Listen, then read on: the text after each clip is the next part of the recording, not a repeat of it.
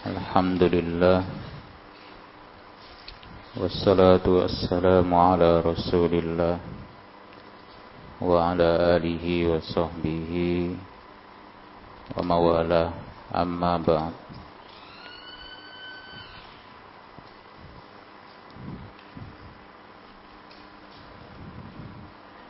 إخواني في الدين rahimani wa rahimakumullah. Alhamdulillah. Pada malam hari ini kita dapat melanjutkan kembali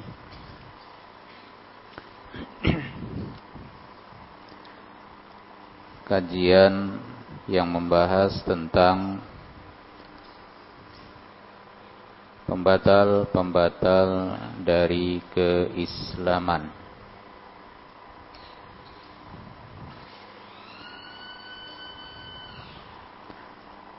Yang akan dijelaskan oleh Syekh Muhammad Said Ruslan.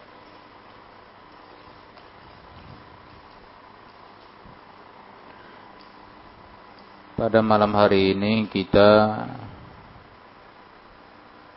membaca pembatal yang pertama. An-Naqidul Awal di halaman 22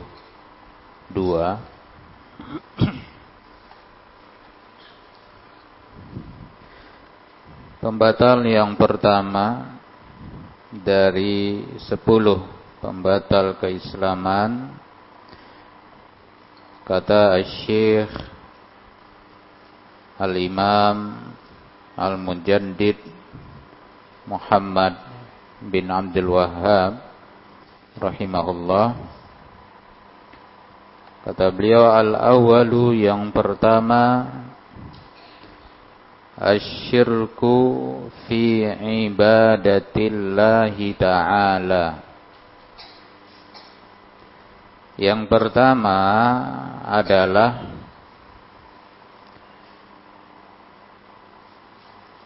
berbuat syirik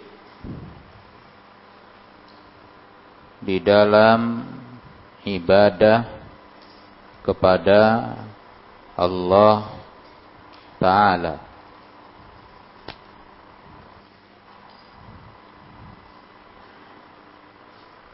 Qala Allah Ta'ala Allah Subhanahu wa taala telah berfirman di dalam surah An-Nisa di ayat 48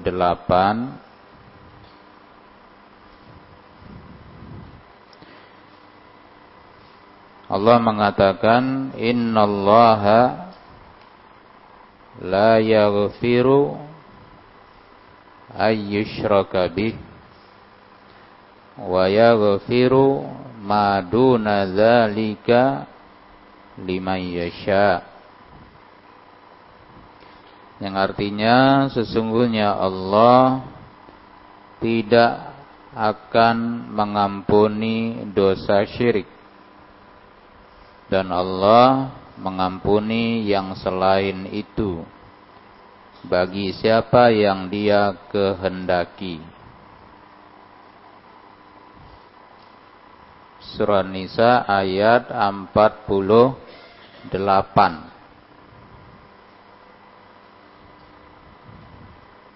Ya.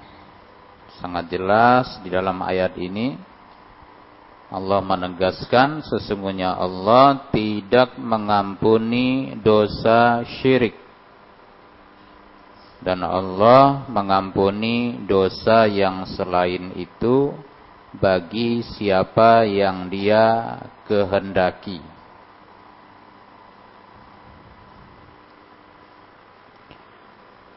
Artinya Allah tidak akan mengampuni orang yang meninggal dalam keadaan melakukan dosa syirik ya meninggal dalam keadaan membawa dosa syirik, belum bertaubat, namun Allah ya mengampuni dosa yang selain syirik bagi siapa yang dia kehendaki. Ya, ini orang yang meninggal membawa dosa selain syirik, nah itu masih ada harapan.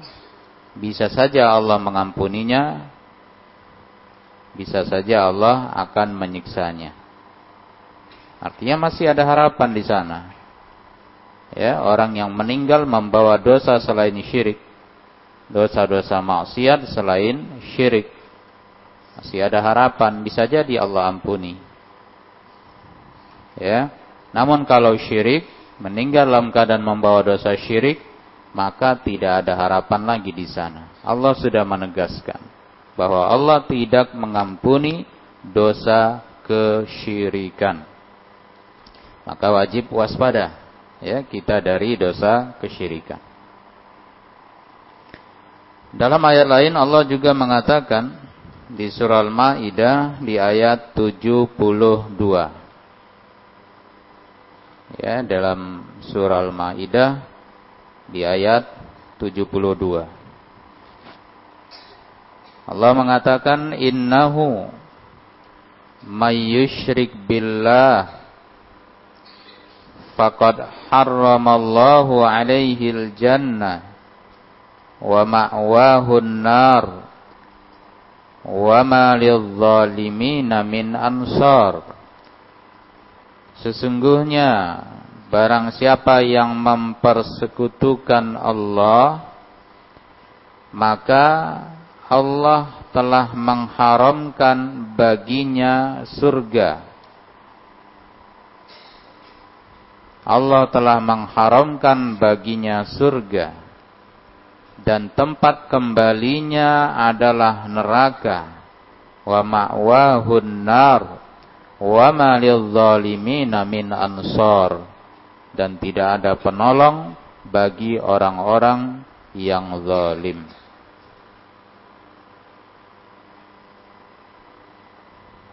Lalu kata Syekh masih penjelasan dari Syekh Muhammad Ibni Abdul Wahab wa minhu adzabhu li ghairillah maka kata beliau termasuklah dari perbuatan syirik yaitu menyembelih adzabhu menyembelih li untuk selain Allah. Seperti kaman zabaha lil jin au lil qabri. Seperti orang yang menyembelih untuk jin ya. Menyembelih untuk jin atau menyembelih untuk kubur. Lil qabri untuk kubur. Nah.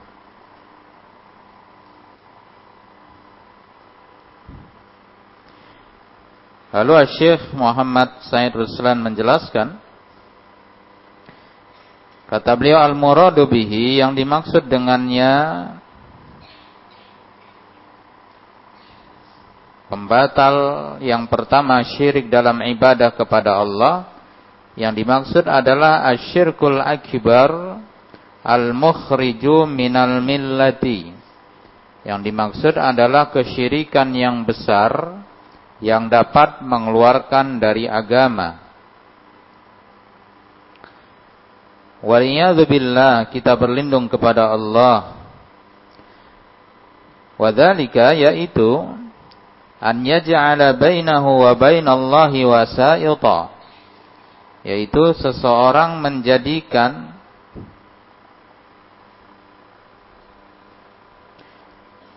antara dirinya dan antara Allah wasaid perantara-perantara menjadikan antara dirinya dan Allah perantara-perantara yad'uhum dia berdoa meminta kepada perantara-perantara itu wa yas'aluhum dan memohon kepada mereka asy-syafa'ah, memohon syafaat. Aw yatawakkalu alaihim atau bersandar kepada mereka. Aw yastaghitsu bihim atau meminta pertolongan kepada mereka. Aw yanziru lahum atau bernazar untuk mereka. Aw yadhbahu bismihim atau menyembelih dengan menyebut nama mereka au ya'taqidu jalban naf'i atau berkeyakinan bahwa mereka dapat mendatangkan manfaat au daf'ad durri atau mencegah mara bahaya mimman huwa dunallah dari siapa yang dia selain Allah Maka faman ata bidzalika faqad kafara. Maka barang siapa yang melakukan hal itu dia telah kufur. Ya, dia telah kafir. Nah. Ya. Karena ini semua adalah haknya Allah. Berdoa, ya, meminta syafaat, bertawakal, minta pertolongan, nazar, nyembeli, ya. Ini semua adalah haknya Allah Subhanahu wa taala. Nah, harusnya diberikan kepada Allah. Namun ketika diberikan kepada selain Allah, maka ini menjadi perbuatan syirik, mempersekutukan Allah. Maka kata beliau qala subhanah Allah Subhanahu wa taala berfirman innallaha la yaghfiru ayyushraka bih wa yaghfiru ma duna dzalika liman yasha dalam surah An-Nisa di ayat 48. Ya. An-Nisa ayat 48 yang sudah kita baca tadi. Sesungguhnya Allah tidak mengampuni dosa syirik dan Allah mengampuni dosa yang selain syirik bagi siapa yang dia kehendaki. Nah. Baik.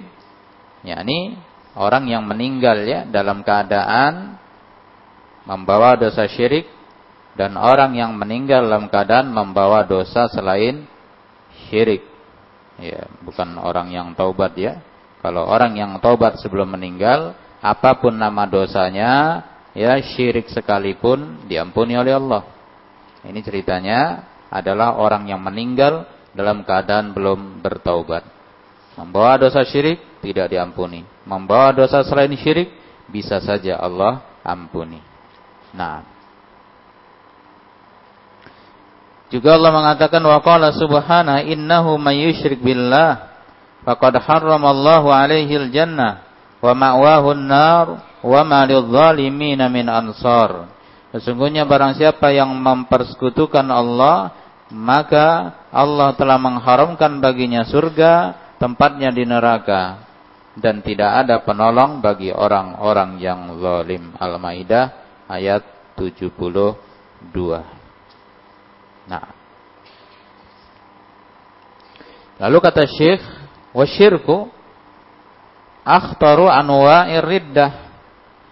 Kesyirikan adalah jenis ya jenis kemurtadan yang paling berbahaya. Makanya diletak di nomor satu. Ya, dari pembatal-pembatal keislaman. Ya, karena ini yang paling berbahaya. Jenis-jenis murtad ya yang paling berbahaya. Syirik. Nah, makanya diletak di nomor satu. Yaitu bahwa an ya'budu ghairallah. Yaitu dia mengibadahi selain Allah. Bi ayyi naw'in min anwa'il ibadah. Dengan satu jenis. Apa saja dari jenis-jenis ibadah jangan dikira ya hanya orang yang melakukan banyak ibadah kepada selain Allah itu yang syirik hanya itu yang dikatakan syirik. Ya. satu saja kita melakukan atau kita memberikan dari jenis-jenis ibadah itu kepada selain Allah itu sudah dikatakan kita berbuat syirik. Ya. Jangan dikira ya melakukan banyak hal baru dikatakan syirik. Ya, misal sujud, doa, ya, nah menyembelih, baik, baru dikatakan musyrik. Satu saja dari jenis ibadah kita minta kepada selain Allah itu sudah syirik namanya. Iya. Nah. Jadi kata beliau syirik itu adalah mengibadahi selain Allah dengan salah satu eh, dengan satu jenis apa saja dari jenis-jenis ibadah. Ya, karena jenis ibadah itu banyak ya. Ibadah, ada ibadah, ibadah hati yang terkait dengan hati, ada ibadah yang terkait dengan badan, ada ibadah yang terkait dengan harta. Nah, nah jenisnya banyak. Baik, maka jangan ada satupun diberikan kepada selain Allah Subhanahu wa taala. Nah, seperti kata beliau doa ini seperti berdoa. Ya, berdoa, memohon. Ya, minta sama Allah. Ya, butuh apa pun minta sama Allah Subhanahu wa taala. Ya. Nah, orang sekarang kan banyak beranggapan, "Oh, saya orang kotor. Saya orang banyak dosa, enggak pantas saya untuk minta langsung ke Allah." saya butuh perantara. Ya, nah, itu salah. Ya, Allah sendiri yang menyatakan, Allah sendiri yang memerintahkan kita untuk berdoa kepada kepadanya, kapan pun, di mana pun. Nah, tanpa perantara. Taib. Ya, jangan diibaratkan Allah seperti makhluk. Ya, diumpamakan mau ketemu orang besar harus melalui perantara itu manusia. Kalau Allah tidak seperti itu. Ya, langsung minta kepada Allah Subhanahu wa taala. Karena Allah Maha Sami, Allah Maha mendengar. Di mana pun kita, Allah mendengar apa yang kita ucapkan, apa yang kita minta. Nah. Baik. Dan Allah sudah menjamin udu'uni astajib lakum. Allah sudah memberikan jaminan, doalah kalian kepadaku, pasti ku kabulkan. Iya. Yeah. Nah, jadi tak ada perantara-perantara. Siapa saja minta kepada Allah, pasti dikabulkan. Selama terpenuhi syarat-syaratnya, dijauhi penghalang-penghalangnya. Nah, kalau sudah berdoa nanti mengatakan, oh saya sudah berdoa, tapi belum ada dikabulkan Allah, itu sudah lain cerita. Ya, itu sudah lain babnya lagi. Nanti babnya itu lari kepada bab ada enggak penghalang-penghalangnya. Gitu ya. Terpenuhi tidak syarat-syaratnya. Nah, nah itu perlu dibahas lagi ke sana. Allah pastikan pasti dikabulkan. Namun dengan ketentuan ya, ada mawani' ya, wa, e, tanpa ada penghalang-penghalangnya dan juga terpenuhi persyaratan-persyaratannya. Di antara persyaratannya apa? Doa kepada Allah dengan ya yakin, dengan hati yang betul-betul yakin bahwa Allah akan memberikan, Allah akan mendengarkan, mengabulkan apa yang kita minta. Ya, yakin. Berobat ke dokter aja yakin kok minta sama Allah nggak yakin. Ya, gimana mau sembuh? Ya kan? Kalau orang berobat nggak yakin kan nggak sembuh ya. Nah, begitu pula apalagi kepada Allah. Ya, mintanya kau kasih ya udah kasih alhamdulillah kalau enggak ya sudah mana bisa begitu berdoa. Ya. Nah, harus betul-betul yakin. Baik, betul-betul yakin. Nah, ya, mintalah kepada Allah Subhanahu wa ta'ala jangan minta kepada yang selain Allah karena yang selain Allah itu adalah makhluk mereka pun disuruh Allah untuk minta kepada Allah. Nah, baik, selama terpenuhi syaratnya, tidak ada penghalangnya, pasti dijawab oleh Allah Subhanahu wa taala. Alangkah disayangkan ya kalau kita masih saja taib meminta kepada selain Allah Subhanahu wa taala padahal kita seorang yang muslim. Itu syirik kepada Allah Subhanahu wa taala. Nah, ya merasa tak yakin. Ya, harus yakin. Baik.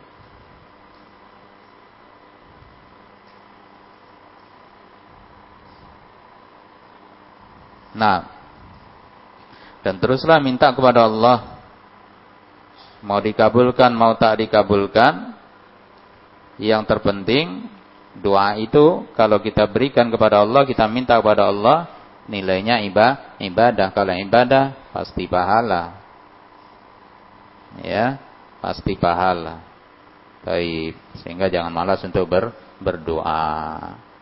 Namun kalau masalahnya belum dikabul-kabulkan seperti tadi, perhatikan diri kita. Sudah terpehunukah persyaratannya? Sudah kita jauhikah eh, pantangan-pantangannya? Ya, ini penghalang-penghalangnya. Baik. Jangan cepat-cepat bilang, oh sudah.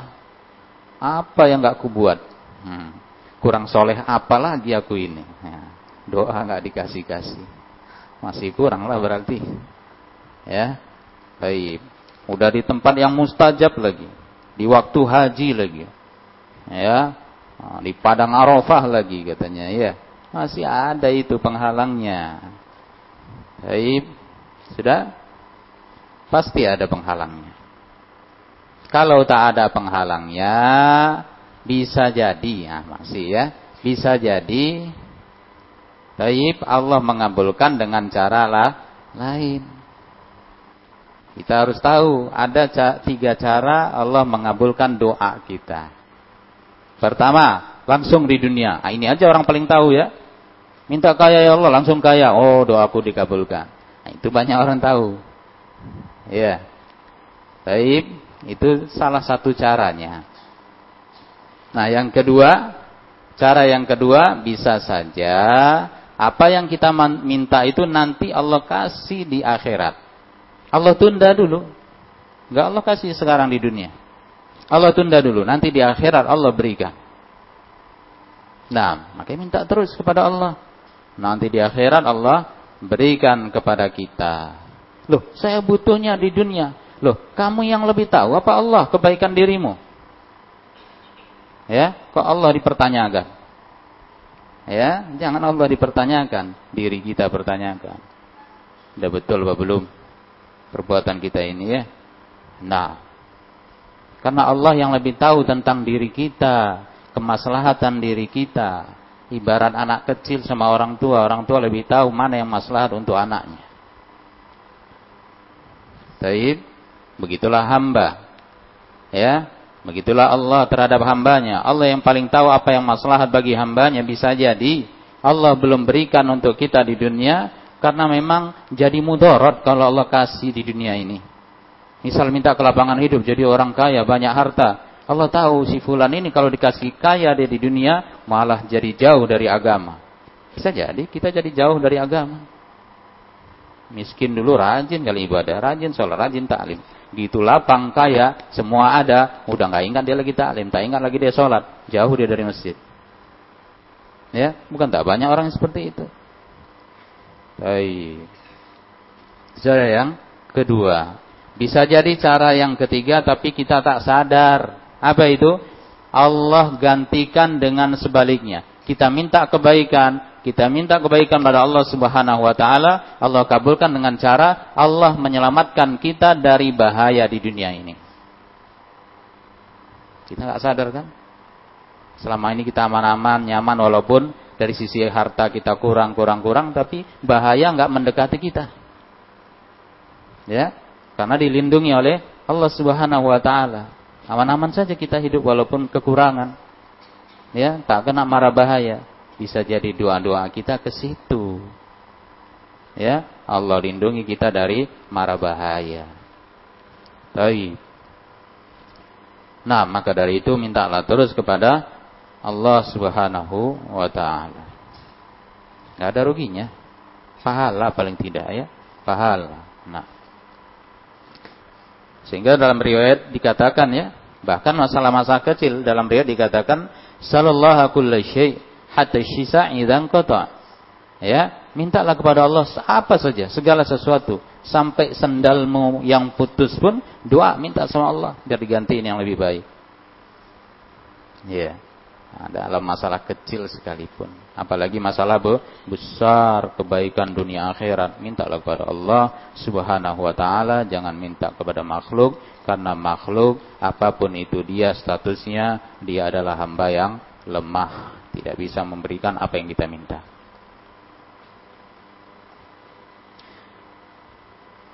Nah itu pertama seperti doa kata beliau. Awizabah atau nyembelih ya menyembelih. Baik. Nyembelih itu hanya diberikan kepada Allah saja, jangan kepada selain Allah. Awil istighosa atau minta tolong biwairillah kepada selain Allah. Fima la yaqdir alaihi illallah. Dalam apa saja yang tidak melampu, yang tidak mampu melakukannya kecuali hanya Allah. Artinya apa saja perkara yang tidak mampu melakukannya kecuali hanya Allah itu harus diberikan kepada Allah. Menyembuhkan orang sakit, siapa yang bisa? Ada makhluk bisa menyembuhkan orang sakit? Enggak ada kan? Allah yang bisa. Mintalah kepada Allah, jangan minta kepada selain Allah. Rezeki ya hanya siapa yang bisa memberikan rezeki kepada kita? Ada makhluk yang bisa memberikan rezeki kepada kita? Makhluk hanya sebagai sebab. Itu rezeki dari Allah, Cuma dialah jadi sebabnya, perantaranya, pengantarnya kepada kita makhluk. Maka mintalah kepada Allah Subhanahu wa taala. Apa saja perkaranya yang tidak mampu melakukannya kecuali hanya Allah, itu haknya Allah. Ya, itu haknya Allah. Sampai kamu minta ke malaikat pun tak boleh. Minta ke nabi sekalipun walaupun memang nabi orang yang dekat dengan Allah tidak boleh. Ya, karena itu haknya Allah Subhanahu wa ta'ala. Sehingga faman sarafa syai'an minal ibadah li ghairillah, barang siapa yang memalingkan sesuatu dari ibadah kepada selain Allah fahuwa musyrik, maka dia seorang yang musyrik. Nah, hati-hati.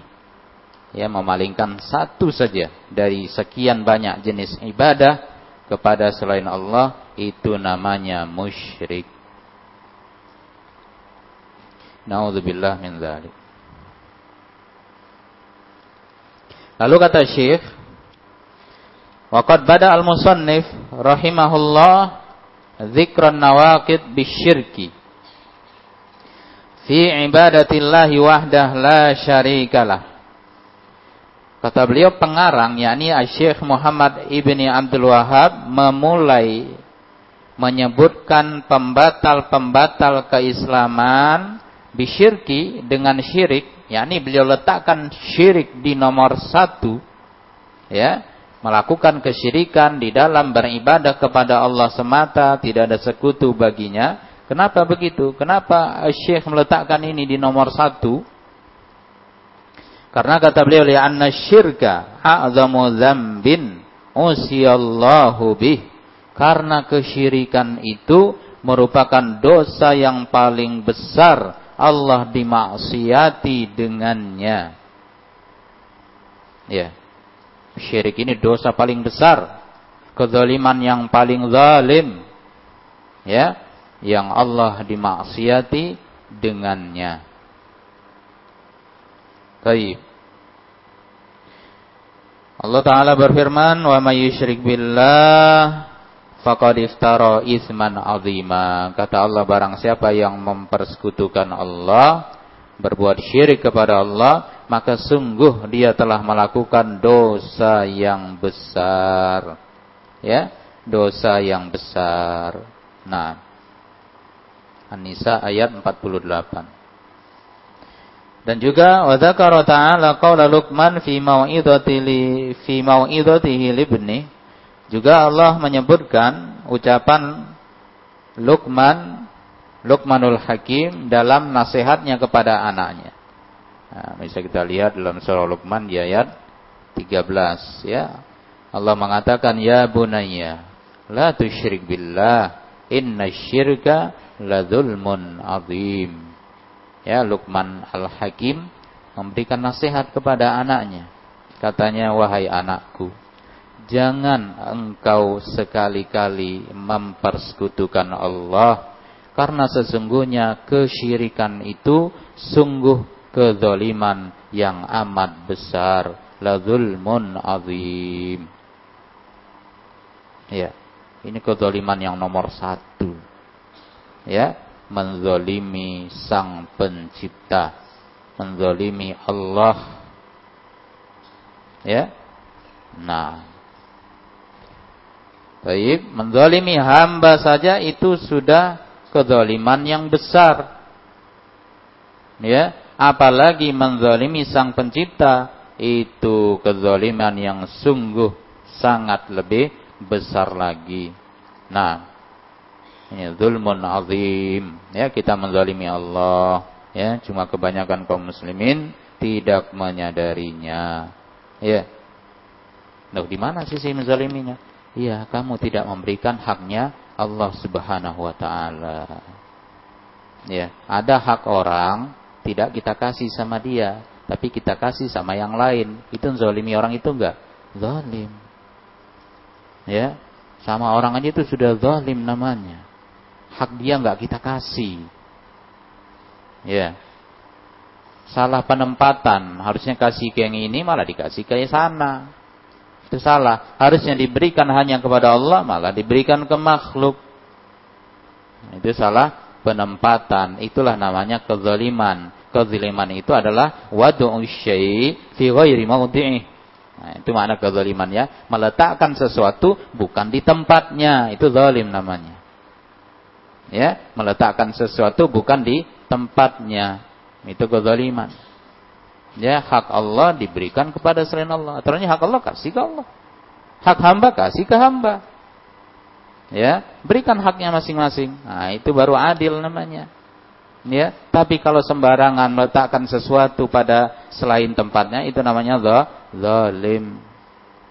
Ya wada'u syai fi ghairi maudi'ihi meletakkan sesuatu bukan pada tempatnya. Nah. Lalu kata beliau an Abdullah bin Mas'ud radhiyallahu anhu qala dari Abdullah bin Mas'ud radhiyallahu anhu beliau berkata sa'altu Rasulullah sallallahu alaihi wasallam Aku pernah bertanya kepada Rasulullah sallallahu alaihi wasallam ayyu dzambi a'zamu indallah Nah, tadi ayat-ayat Al-Qur'an ya yang menegaskan bahwa syirik dosa yang paling besar. Nah, sekarang hadis. Sahabat pernah langsung nanya ke Nabi. Sahabat Abdullah bin Mas'ud, apa katanya? Wahai Rasulullah, dosa mana? Dosa apa yang paling besar menurut Allah? Apa Nabi jawab? Kata Nabi, antaja'ala lillahi niddan wa huwa khalaqaka. Kata Nabi, dosa yang paling besar menurut Allah adalah engkau menjadikan sekutu, engkau menjadikan tandingan untuk Allah padahal Dia yang menciptakan kamu. Ya. Engkau jadikan sekutu tandingan untuknya padahal kamu Dia yang menciptakannya. Nah, al-hadis. Nah, ya diriwayatkan oleh Imam Bukhari dan juga Imam Muslim. Nah, ini dosa yang paling besar. Ya, padahal kita dicipta oleh Allah Subhanahu wa taala. Tapi kita sekutukan Allah, ya, kita buat tandingan untuk Allah. Ini sungguh perbuatan zalim. Nah, dan juga wali anna syirka billahi ta'ala. Juga dikarenakan syirik kepada Allah ta'ala huwa akbarul kabair. dosa besar yang paling besar. Ya, dosa-dosa besar yang paling besar. Syirik kepada Allah merupakan akbarul kabair. Dosa besar yang paling besar. Nomor satu, nggak ada yang lain.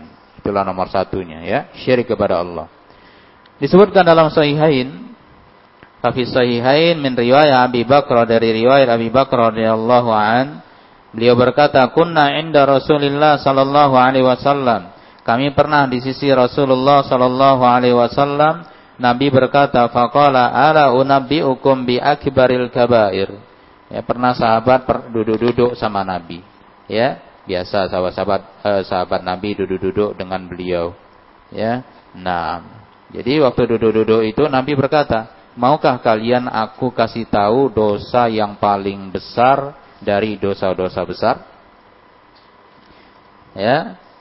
Sampai tiga kali Nabi tanya menunjukkan ini perkara yang sangat serius. Perkara yang sangat penting untuk diketahui oleh sahabat. Karena Nabi mengulangi pertanyaannya sampai tiga kali. Ya.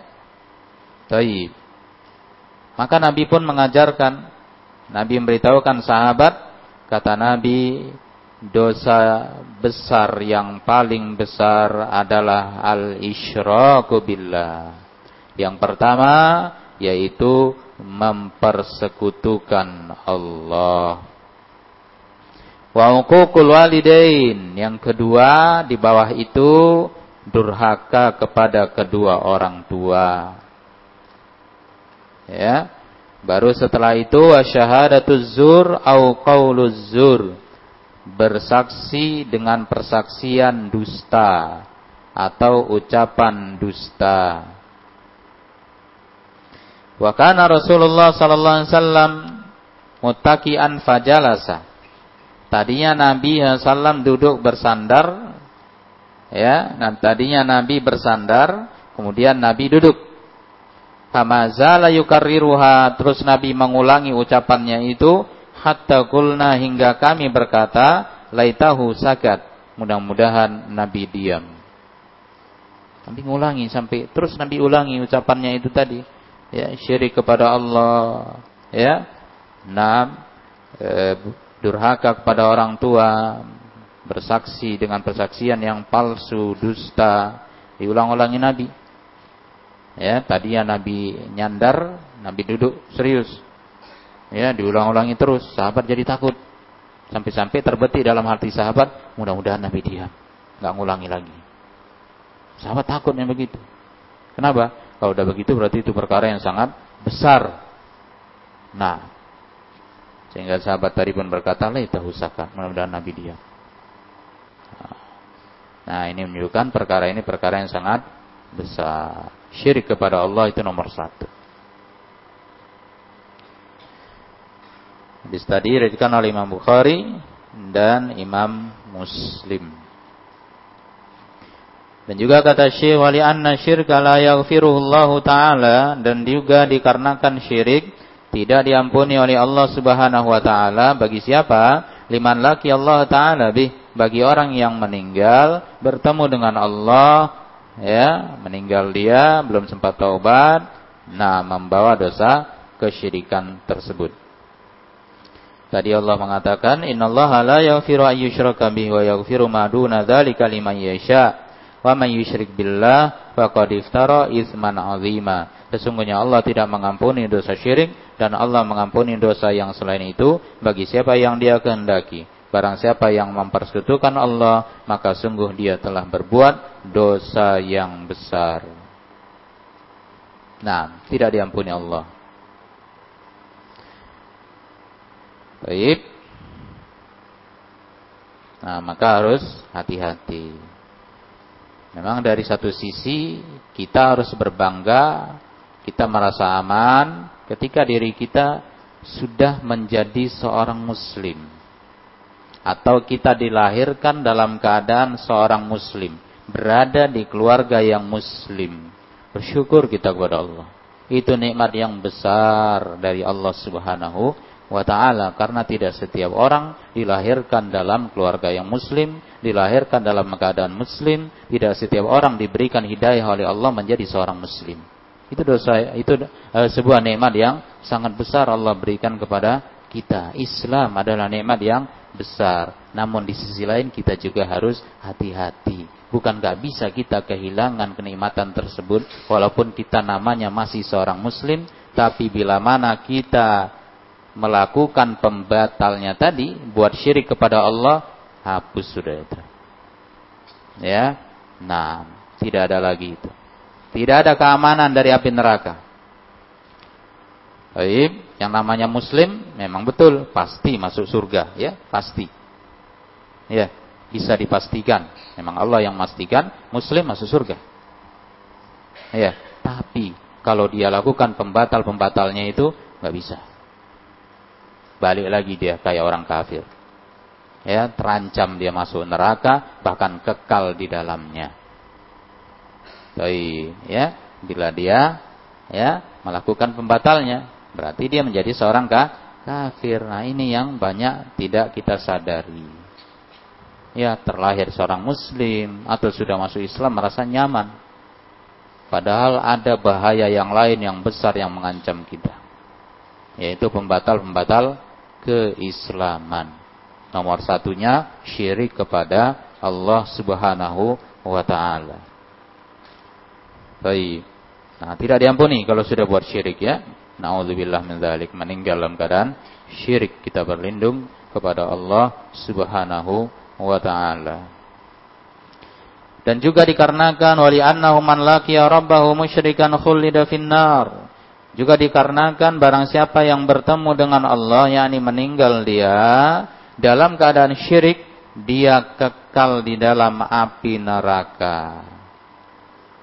Ya, meninggal bawa dosa syirik, kekal dalam api neraka. Ya, kekal dalam api neraka. Wa hurriman alaihil jannah diharamkan baginya surga. Allah mengatakan innahu may yusyrik billah faqad harramallahu alaihi jannah wa ma'wahu nar wa ma lidh-dhalimin min ansar. Sesungguhnya barang siapa yang mempersekutukan Allah, maka sungguh Allah telah mengharamkan baginya surga, tempatnya di neraka dan tidak ada penolong bagi orang-orang yang zalim. Al-Maidah ayat 72. 6. Tapi kalau dia meninggal dalam keadaan tidak bawa dosa kesyirikan, artinya dia seorang yang bertauhid, aman dia. Ya, pasti masuk surga. Walaupun barangkali dimasukkan dulu ke neraka oleh Allah Subhanahu wa taala, tapi dipastikan nanti diangkat Allah lagi. Itu habis dosanya, dibakar di api neraka, walaupun itu tidak mudah, siksa yang mengerikan ya di neraka sekecil-kecilnya azab di neraka itu sebesar-besarnya azab di dunia. Nah, tapi ujung-ujungnya juga Allah angkat, Allah masukkan ke dalam surga. Tapi kalau syirik enggak, kekal di dalamnya. Nauzubillah min dzalik. Ya. Nah, kebahaya sekali. Ya, kalau berbuat syirik kepada Allah Subhanahu wa taala. Nah, yang kita pikir kita muslim, ya nggak bakal ya masuk neraka. Salat juga, saya rajin salat, saya rajin ibadah, saya rajin puasa. Tapi kalau buat syirik kepada Allah, habis itu semua, nggak ada nilainya. Nah, ya saya ibadah haji, nah, kayak sayang ya. Kita lihat kaum muslimin jauh-jauh ke sana ibadah haji, rupanya di sana buat syirik datang ke kubur Nabi, minta ke Nabi, ya, datang ke kubur e, kuburan sahabat, macam-macam yang diminta, ya. Nah, taib itu kesyirikan yang harus dihindari. Dan juga walianna syirka syirkan akbar tahbatu jami'u amalih juga kata beliau dikarenakan orang yang musyrik dengan kesyirikan yang besar itu dapat menghapus semua amal ibadah yang pernah dia lakukan. Dalilnya surah Al-An'am ayat 88. Kata Allah, "Walau asyraku la habita anhum ma kanu ya'malun." Kata Allah, kalau mereka berbuat syirik, sungguh terhapuslah dari mereka apa saja yang dahulu mereka telah amalkan. Ya, itu surah Al-An'am di ayat 88. Nah, pahala amal terhapus semuanya. Juga di surah Zumar di ayat 60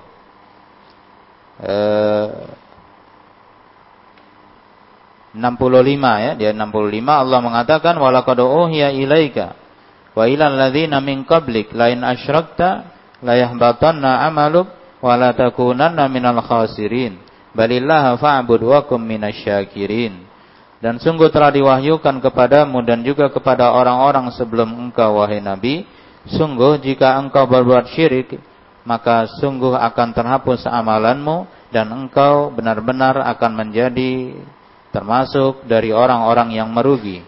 Bahkan kepada Allah saja engkau beribadah dan jadilah engkau dari orang-orang yang bersyukur. Nah, ini bahkan Allah yang menegur Nabi. Kata Allah, kalau engkau buat syirik, Nabi padahal ya, nah apalagi kita. Jika engkau berbuat syirik, kata Allah, maka sungguh akan terhapus amalanmu dan engkau menjadi orang-orang yang merugi. Taib. Dan juga kata beliau wali annal musyrik yuhillu syirkuhu damu damahu wa malah. Dan juga seorang yang musyrik itu menjadikan syiriknya itu menjadikan hartanya, darahnya jadi halal. Ya. Nah, orang musyrik ya, orang musyrik karena kesyirikan dia itu dia jadi musyrik, maka hartanya, darahnya jadi halal. Allah Subhanahu wa taala mengatakan dalam surat Taubah ayat 5 kata Allah, "Faqtulul musyrikin haitsu wajadtumuhum wa khudhuhum wahsuruhum wa qa'udu lahum kulla marsad." Kata Allah Subhanahu wa taala, bunuhlah, perangilah orang-orang musyrik di mana pun kamu menjumpai mereka, tangkap mereka, kepung mereka, intai mereka di setiap tempat pengintaian. Nah, nah jadi sangat berbahaya ya perbuatan syirik kepada Allah Subhanahu wa Ta'ala. Nah, ini yang nomor satu yang harus benar-benar diwaspadai oleh setiap Muslim. Nah, kiranya sampai di sini dulu. Allah alam bisawab. Eh, masih panjang ya penjelasan tentang kesyirikan. Ya, pembatal nomor satu akan kita lanjutkan pada pertemuan berikutnya. Subhanakallahumma bihamdik. Asyhadu an la ilaha anta astaghfiruka wa atubu ilaik. Walhamdulillahi rabbil alamin.